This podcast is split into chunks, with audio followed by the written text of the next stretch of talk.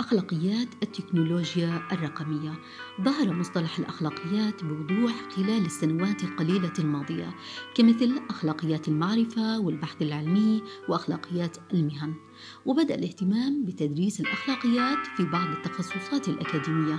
ففي كليات الطب مثلا يدرس الطلاب أخلاقيات العمل كطبيب خاصة بعد ظهور قضايا الاستنساخ البشري في مجال الجناس وما قد يتبعه من مشاكل أخلاقية علمية. وليس الطب فحسب بل جميع التخصصات العلمية والإنسانية وضعت لها أخلاقيات وأيضا المهن.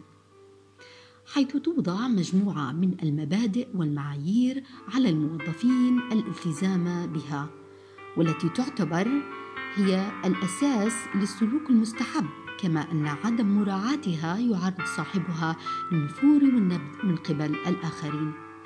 فجميع الأعمال التي يقوم بها الإنسان محكومة بضوابط ومعايير أخلاقية وبالرجوع إلى المعاجم والقواميس اعتبرت كلمة أخلاقيات اسم منسوب إلى الأخلاق. فالمفكر تيفاني حدد مفهوم الأخلاقيات بأنها دراسة الأخلاق من ناحية فلسفية. أما فيما يتعلق بمفهوم أخلاقيات التكنولوجيا الرقمية فهي تلك المعايير الأخلاقية التي تهتم بشكل عام في العلاقة والتفاعل ما بين البشر والتكنولوجيا الرقمية. وبما أن التكنولوجيا الرقمية دخلت في جميع الأعمال التي يعمل بها الأفراد وركن أساسي لتقدم وتطور المجتمعات فلا يمكن إهمالها أو عدم مجاراتها إلا أن بعض البشر يجهلون أو يتجاهلون الأهداف الأساسية من اختراع التكنولوجيا الرقمية فلا يلتزمون بالأخلاقيات. أي لا يستخدمونها بالشكل الأمثل. والأمثلة كثيرة على الاستخدام غير الأخلاقي للتكنولوجيا الرقمية. كمثل انتحال الهويات وانتهاك الخصوصيات وانتهاك حقوق الملكية الفكرية والتجسس والابتزاز وسرقة الأرصدة والأموال البنكية عبر التحويل الإلكتروني. كذلك سرقة أو إعادة نسخ البرامج وتدمير الأنظمة المعلوماتية وإرسال محتويات ضارة عبر رسائل البريد الإلكتروني أو الإساءة للأفراد وتشويه سمعتهم وإزعاجهم بالمعاكسات وإرسال ونشر الصور المخلة بالأدب. فلا أحد ينكر أن المواد الإباحية موجودة منذ مدة طويلة على شبكة الإنترنت.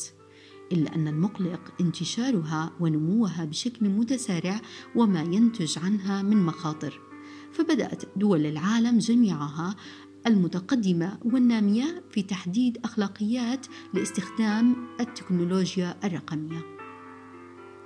وشعر المهتمون في هذا المجال أن المجتمعات البشرية معرضة للخطر من قبل التكنولوجيا الرقمية.